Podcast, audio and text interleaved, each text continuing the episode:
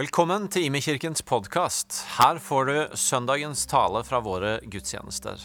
I disse koronatider hvor vi ikke kan samles i våre lokaler, så produserer vi også en full gudstjeneste på video.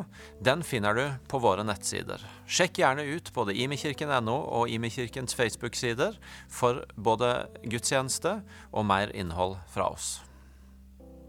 Hei, flott å se dere. Eh, og fantastisk å få feire gudstjeneste sammen. Eh, jeg heter Egil Elling, er en del av pastorteamet her i Imi kirka og har gleden av å få forkynne i dag. Men før jeg går inn på det, så skal jeg videreføre noe som vi har eh, gjort de siste par ukene, og som er en viktig del av livet vårt i denne annerledes tida. Nemlig at vi har uh, latt noen av de som er i det profetiske miljøet i menigheten vår, komme sammen en gang i uka med et fokus på å søke Gud, lytte til Han og dele de orda som de får. Både med oss som eh, stabsteam, men også med hele menigheten. Sånn at vi kan ta tak i de orda, Eh, la de få være Guds ord til oss i denne tida, og bruke de aktivt i vårt bønneliv og i vårt fokus. Jeg skal dele fire ord med dere som er kommet denne uka, og som jeg håper at du vil ta med deg, og ikke minst ta med deg inn i bønnelivet ditt. Det første ordet har som overskrift at vi er født til å leve et liv i relasjon. Har du eh, i det siste lært hvordan du kan gi folk en klem med orda dine? Har du vært enda mer bevisst på hva du sier? Har du gjort en innsats for å koble på noen du kanskje ikke har hatt kontakt med på ei stund? Gud har gjennom alle tider vært bevisst på å bruke sine ord på en sånn måte at han kan komme nær oss og stå i relasjon med oss. Og vi er alle født til å leve livet våre i en dyp relasjon, både med Gud og mennesker rundt oss. Husk på kraften i de orda som evner å koble hjerte til hjerte. Velg orda du taler ut med omhu, og velg relasjon i denne tida. Det andre ordet har som overskrift 'Rop det ut, kom til meg', og det begynner med et uh, bibelord fra Mika 4,2. Kom, la oss gå opp til Herrens fjell, til Jakobs Guds hus, så han kan lære oss sine veier og vi kan ferdes på hans stier. Jeg har så mange planer for de, dette mitt folk. Når dere ser tilbake, vil dere se det. Kriser er smertefulle, men de som våger å bli og være i de og lære, vil ofte se vekst. Stol på Gud i krisen nå. Jeg ser et bilde av fest på IMI når det igjen åpner opp for å møtes. Bildet er forbundet med masse glede og dans og fryd. Og over salen, i det usynlige, er det masse engler som fryder seg med oss. Glede i himmelen. For en fest vi har i vente. Tredje ordet har som overskrift 'bli litt lengre'. Gud sa 'bli lenge nok til at jeg kan fylle deg og bryte det som skal brytes'. Det er en invitasjon til å bli lenge nok i hans nærvær. Og ut av det så kom det et bilde av ildkuler som blir kasta ut når vi tilber og inviterer Den hellige ånd. Ilden sprer seg til mennesker og til menigheter som blir satt i brann. Ulike kirker og mennesker våkner til liv over hele landet. Fjerde og siste ordet har som overskrift eh, om å ha Kalebs ånd. Ikke gå etter omstendighetene, men ha fokus på hva sier Gud. Å høre og gjøre er en stor forskjell fra å høre og ikke gjøre. Engler tiltrekkes når vi lovsynger. De synger med oss. Vi skal forberede oss på vekkelse, for høsten er fullmoden.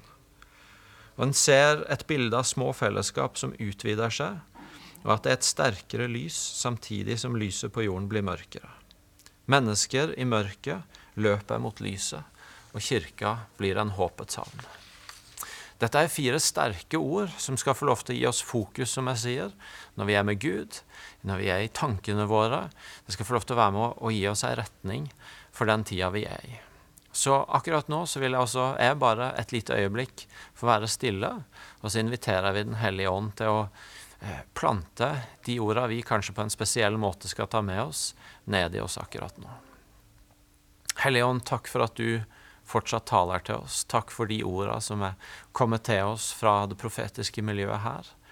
Eh, nå ønsker vi bare å være stille et lite øyeblikk og la du blåse liv i sider ved disse orda som vi skal få bære med oss i dagene og ukene som kommer.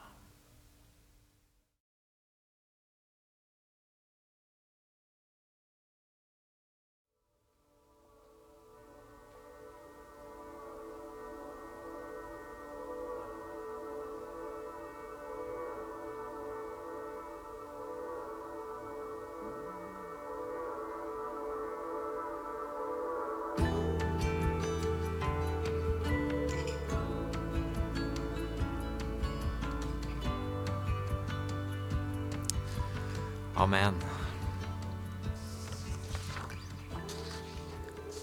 Og Med det som et fantastisk utgangspunkt så skal vi i dag i de neste minuttene fortsette på den serien vi har begynt nå etter påske, eh, som har fokus på Den hellige ånd, og som vi har gitt tittelen 'Allemannseie'.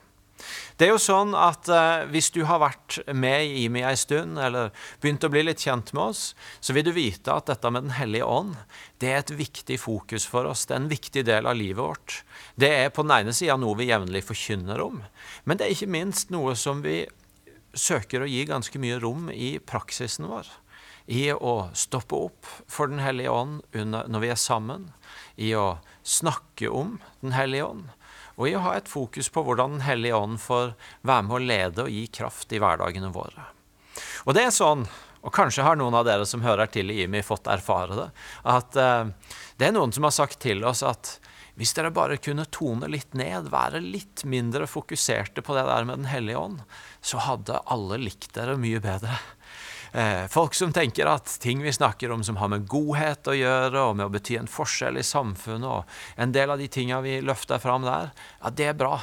Det, det vil folk omfavne. Men, men, det der med Den hellige ånd, det, det, er litt mer utfordrende. Så hvis dere kunne dempa stemmen litt der, så ville sikkert eh, flere likt dere enda bedre. Og så er det jo sånn for oss at det kan vi ikke gjøre. Fordi dette er de vi er. Dette er den reisen Den hellige ånd har tatt oss på. Og dette er det Gud har vist oss om det livet han ønsker å gi oss. Og litt satt, Ikke satt på spissen engang, bare sånn det er, så er det faktisk ikke det aller viktigste for oss her i verden å bli likt av flest mulig, men først og fremst så er det viktig for oss å være tro mot det Gud viser oss, og det livet han tar oss inn i. Og Derfor så er det viktig for oss igjen å løfte opp livet med Den hellige ånd og søke å gjøre det på en sånn måte at det kan bli til allemannseie. For dette handler ikke om at det først og fremst skal kjennetegne oss bare når vi er sammen som kirke, men det handler om at det vi gjør sammen, enten vi er i samme rom, eller som nå er tvunget til å primært være sammen på nettet online, så er jo fokuset at det vi gjør da, det skal utruste oss, sånn at det blir til et liv som vi tar med oss ut i hverdagen vår, ute i de mindre fellesskapene våre, inn i hjemmene våre. Og Forrige søndag så eh, talte Hanne Therese glimrende eh, om Den hellige ånd. Eh, gå tilbake og hør det hvis du ikke fikk det med deg. Eh, foruten at jeg hørte i den talen et sånt dypt rop om at der er mer. Den hellige ånd har mer for oss. Et sånt rop etter sult hos den enkelte av oss til å få tak i mer av livet. Så var noe av det jeg særlig tok med meg fra det Hanne Therese sa, det var at Den hellige, den hellige ånd han ønsker å være vår venn. Han ønsker å komme nær oss. Eh, og vi kan invitere han inn i livet vårt akkurat der vi er. Det er ikke sånn at Den hellige ånd fins et sted der borte. Og hvis vi får beveget oss dit, så finner vi han. Nei, noe av det Hanne Therese illustrerte så nydelig, var at i alt vi gjør, og i det som er livet vårt nå, så er Den hellige ånd. Og vi kan ønske ham velkommen, og vi kan gi ham rom, sånn at han får være med og være en del av livet vårt. Og ved det så kan jo også Den hellige ånd bli allemannseie. Fordi ingen av oss er på et sted hvor Den hellige ånd ikke kan være. Alle av oss er på et sted hvor vi kan gi Ånden rom i det som er våre liv. Og så har jeg egentlig bare lyst til å, i de minuttene jeg har i dag, å bygge litt videre på det med at Den hellige ånd er vår venn, at han er nær, at han er med oss der vi er.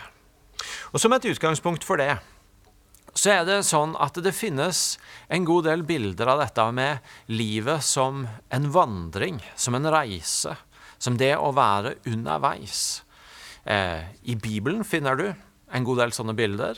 I den kristne historien, tradisjonen, finner du en del sånne bilder, og du finner det for så vidt mange andre steder òg. Jeg vet ikke hva slags forhold du har til det bildet. Jeg skal være ærlig på at jeg kan, jeg kan være litt sånn på begge sider der. Det er en fase hvor jeg tenker eh, kjempespennende å tenke på livet som noe som er underveis, og en reise, en vandring, noe jeg er på.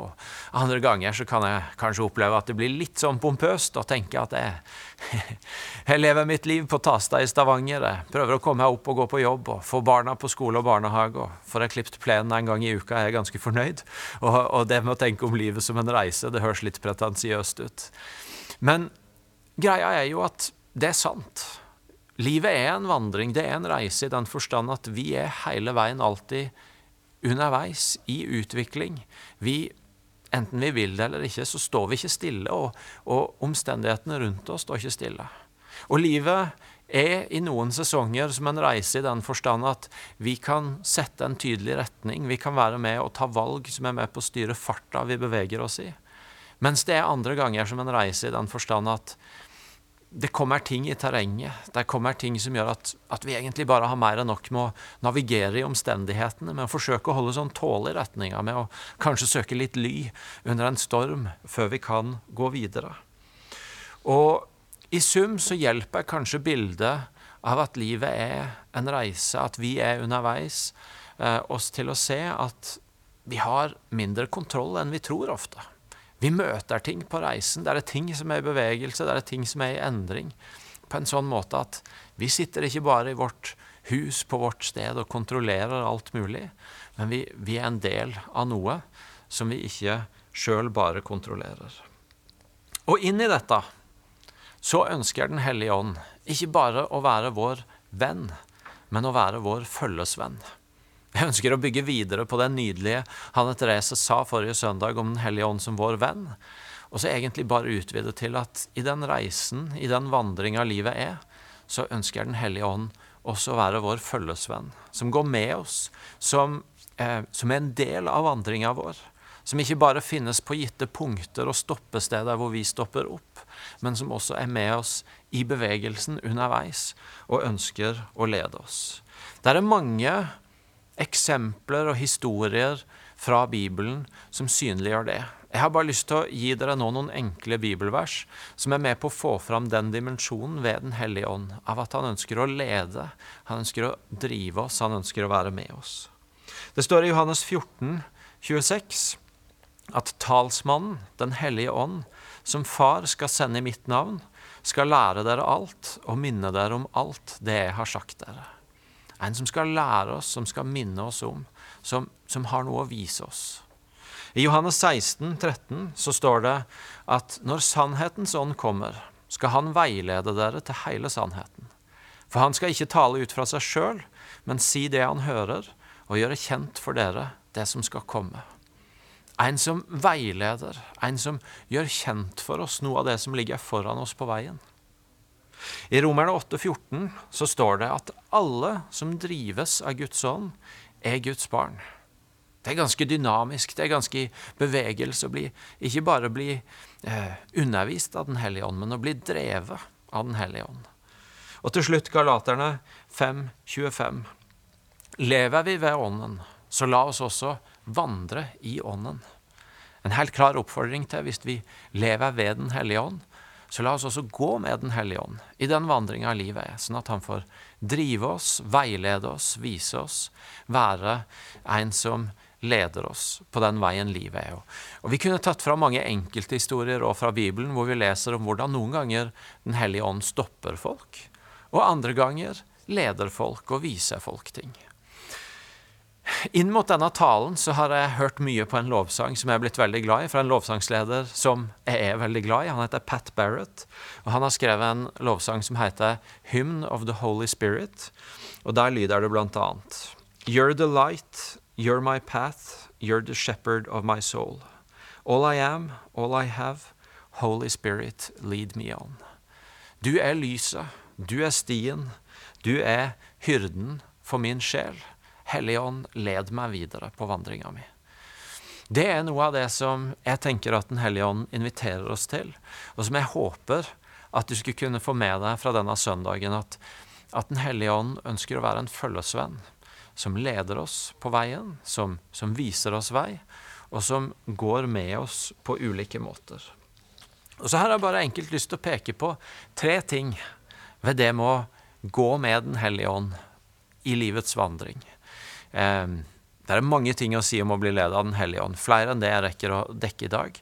Men tre ting som sto ut for meg, kanskje litt prega av den tida vi er i, og den usikkerheten vi lever i, hvor, hvor, det er ekstra relevant å snakke om livet som en vandring fordi vi må forholde oss til at det er mange ting vi ikke vet. At, uh, at vi ikke alltid i denne tida kan se så langt fram. Vi kan høre på noen som sier at det kommer sikkert til å bli sånn, og så kan vi høre på andre som sier at det kommer sikkert til å bli sånn. Og så er sannheten at ingen av oss vet. Så kanskje trenger vi bare å slå oss til ro med det. Um, og da blir det ekstra relevant å la Den hellige ånd lede oss når vi går på den vandringa. Og kanskje er også de tre punktene jeg har med meg i dag, litt prega av det. Men det, er, det, første jeg har lyst til å si om det å gå med Den hellige ånd, er å bare minne oss om at det å bli ledet av Den hellige ånd kan innebære å ikke alltid eh, få gå opp den raskeste veien. Vi er forskjellige som mennesker, og det kan godt hende at noen av dere som ser på nå, er sånne som liker å ta omveier. Som syns det er spennende å, å, å, ikke alltid ta den raskeste veien, men å ta en vei som gjør at en får se noe nytt, eller ikke bare går på rutinen. Mens andre, sånn som meg, liker veldig godt å vite at jeg kan gå herfra til dit jeg skal, på fortest mulig måte. Når vi går med Den hellige ånd, så er det uansett sånn at det er ikke alltid at Den hellige ånd bare leder oss rett fram, raskeste veien mot målet. Det kan faktisk være ganske ofte at Den hellige ånd velger å lede oss noen omveier. Eller det som menneskelig talt føles som omveier, men som for, i Guds perspektiv og under Den hellige ånds ledelse faktisk har en hensikt. Vi leser f.eks. om når Jesus skal til Galilea i Johannes 4. Så fantes der en raskere vei til Galilea, men det står at Jesus måtte gå en omvei og på den omveien så treffer han det vi har lært å kjenne som kvinnen ved brønnen, som han fikk en utrolig viktig sam samtale med, som forandra hennes liv, og som i neste omgang forvandla en hel landsby sitt liv. Eh, det som menneskelig talt så ut som en omvei, blei når Jesus, under ledelse av Den hellige ånd, og med en visshet om at han ønska bare å gjøre det Gud far viste, blei til en åpenbaring av noe nytt Gud ville gjøre om du vil, det skjulte seg en skatt i omveien, en mulighet for Guds rike til å gå fram, som kanskje vi menneskelig talt kunne gått glipp av hvis vi bare skulle få velge våre raskeste veier. I andre Mosebok eh, så leser vi på den andre sida om når israelsfolket blir ledet av Gud ut av Egypt. Og Der står det bl.a. i kapittel 13, vers 17 og 18.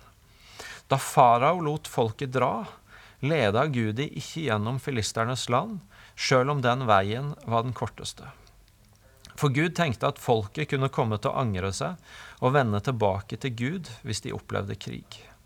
Derfor lot Gud de gå en omvei gjennom ørkenen mot Sivsjøen.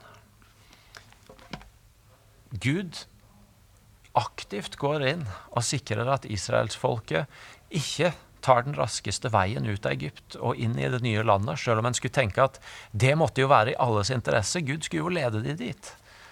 Men Gud ser at de trengte å gå en omvei, og i dette tilfellet så var det kanskje ikke så mye en, en, en skatt, en, en Guds rike-mulighet som skjulte seg, men det var mer en erkjennelse av at her trenger folket å lære noen ting. De trengte å gå en runde eh, for å lære noe, for å vokse i sin kjennskap til Gud før de var klart å gå inn i landet, før de var klart å møte det som, det som lå i det å innta landet.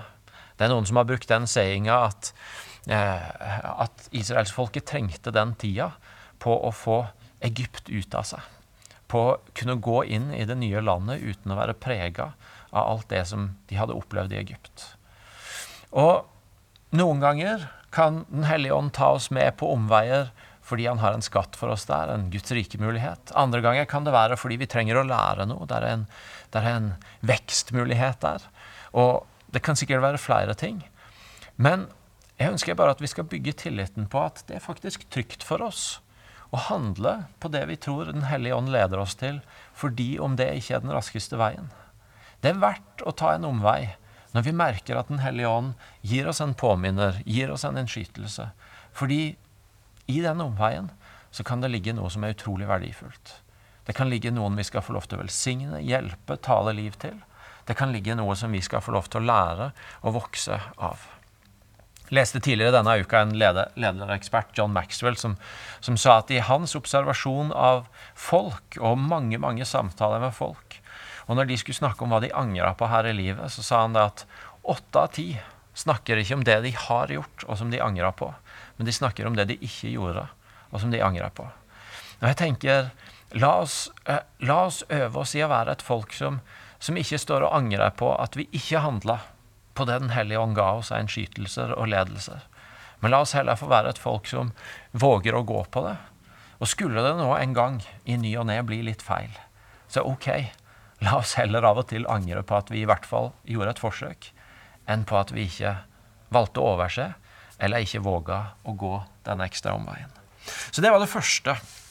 Det andre jeg har lyst til å bare peke på, det er at i denne vandringa med Den hellige ånd så kan det være at vi noen ganger må oppleve at vi gir slipp på noe som har vært verdifullt for oss i ei tid, som kanskje til og med er det Gud som har gitt til oss i ei tid, men som når Den hellige ånd leder oss videre, så har han noe nytt for oss i ei ny tid. Og igjen så har jeg lyst til at vi skal, for å synliggjøre det, ta israelsfolkets vandring fra Egypt og til sitt lovede land som et utgangspunkt. Der står i 2. Mosebok 16, 2-4. Hele menigheten klaga til Moses og Aron i ørkenen og sa:" Om vi bare hadde fått dø for Herrens hånd i Egypt da vi satt omkring kjøttgrytene og spiste oss mette. Men nå har dere ført oss ut i denne ørkenen for at alle vi som er samla her, skal dø av sult. Da sa Herren til Moses, Se, jeg vil la det regne brød ned til dere fra himmelen. Hver dag skal folket gå ut og sanke en dagsrasjon. Slik vil jeg sette de på prøve og se om de følger min lov eller ikke. Fascinerende. Gud har leda folket ut av Egypt, og så, og så, går det ikke lang tid, og så begynner de å klage over at ah, vi skulle heller vært i Egypt, for der hadde vi i hvert fall mat. Og så begynner de å lage noen drømmebilder som ikke er sanne engang, om hvordan de hadde det der. For jeg, jeg, tror ikke de satt rundt så mange kjøtt, kjøttgryter som slaver i Egypt. Men i hvert fall Gud hører bønnen, og han, han gir dem en gave. Han gir dem manna hver dag, som er hans forsørging av dem. Og dette lever israelsfolket med i mange, mange år. Helt til de kommer til det landet Gud gir dem. Og så leser vi i Josua 5, kapittel 12, når de har kommet inn i landet. Fra den dagen blei det slutt på mannaen. Siden israelittene nå kunne spise av landets grøde, fikk de ikke mer manna. Det året spiste de av avlingen fra Kanans land. I mange år var manna Guds gave til folket. Og Så kommer de inn i det nye landet, og så kommer de til et punkt hvor mannaen forsvinner, og nå skal de få spise avlingen i det nye landet. Der står ikke noe om hvordan folket reagerte på det. Det kan hende at de var lette letta over å endelig slippe å spise manna. Men det kan òg godt være at noen i løpet av så mange år var blitt så vant til å spise manna at det var litt sånn eh, Akkurat som de savna kjøttgryten i Egypt, som, som, de begynte å idyllisere når de så tilbake på det. Så kan det godt hende at det var noen som sa 'Å, jeg savner mannaen', som plutselig i minnet smaker, smaker mye bedre enn den egentlig gjorde når de var i situasjonen. Poenget mitt er Jeg tror det er ganske mange erfaringer på at i én sesong så kan Den hellige ånd gi oss noe. Gjøre noe som blir kjært for oss, som, som, vi tar imot, som vi holder fast på, som blir en del av livet vårt. Og så er det å gå med Den hellige ånd det er noen ganger å akseptere at men nå er det tid for å gi slipp på det, for nå gjør Den hellige ånd noe nytt. Der er sagt, dessverre, at det litt for ofte er sånn at de som var en del av forrige vekkelse, er de som blir motstandere av den neste. Fordi at det ser ikke likt ut som sånn som de var vant til at vekkelse skulle se ut. Og det er noe med det med å leve, ledet av Den hellige ånd, av la oss holde oss åpne for når Den hellige ånd tar oss inn i noe nytt. Når vi blir bedt om å gi slipp på noe som har blitt trygt for oss, som vi har blitt vant til, som en gang var en gave, men som nå må vike fordi nå har Gud noe enda bedre, noe nyere, noe friskere. Og det er en del av vandringa å velge å leve så, med så åpne hender og holde i de tinga vi blir gitt så lett, at når Gud gjør noe nytt, så skal vi være de første til å slippe, de, eh, slippe tak i det, og heller ta imot det nye han gjør. Siste punktet jeg har lyst til å bare si, det er at når vi går med Den hellige ånd, og når Den hellige ånd får være følgesvennen på vandringa vår, så er det noen ganger at det som skjer på innsida vår, er viktigere enn det som skjer på utsida. Det er noen ganger vi kan være forvirra over at det ikke skjer mer på utsida. Vi kan lure på hvor, hvor er vi på vei nå, hvor leder Den hellige ånd oss nå? Hva er, eh, er retninga nå? Men samtidig, når vi, når vi, kommer igjennom den fasen, og vi ser tilbake, så, så, begynner vi å se på livet vårt, og så ser vi at oi, Gud har, Den hellige ånd har jo gjort noe på innsida mi som gjør at for det om jeg ikke så så mye skjer på utsida, så kommer jeg faktisk ut av det med en frukt på innsida, som i neste omgang får lov til å være til en velsignelse for mange andre. Paulus han skriver om dette i Galaterne 5, 22-23, når han skriver om åndens frukter. Han skriver at åndens frukt er kjærlighet, glede, fred, overbærenhet, vennlighet, godhet, trofasthet, ydmykhet og selvbeherskelse. Dette er ting som du ikke alltid kan se på utsida. At ja, nå, nå skapes de fruktene. Det er ikke alltid du kan se at prosessen med at åndens frukter kommer sterkere opp i oss, foregår mens det skjer. Men over tid så vil du merke at sjøl om ytre talt så er det ikke så ekstraordinært, så vil det komme ut noe fra innsida vår som i neste fase får være til betydning for andre. Jeg hørte denne uka en, et av mine forbilder, Bill Johnson, pastor i Bethel Church, snakker om vekkelse i en, i en taleserie de har i sin menighet. Og Da snakka han om hvordan en del av de tinga som Den hellige ånd gjør i oss når vi enten er aleine eller i kirka, og som noen ganger kan virke rart for oss, eller eh, uvant for oss når det blir litt lyd av det, eller litt bevegelse av det, litt sånne ting. Eh, poenget med det er ikke at i neste omgang så skal akkurat det samme skje ute på kjøpesenteret eller på arbeidsplassen eller hvor du nå måtte være i samfunnet.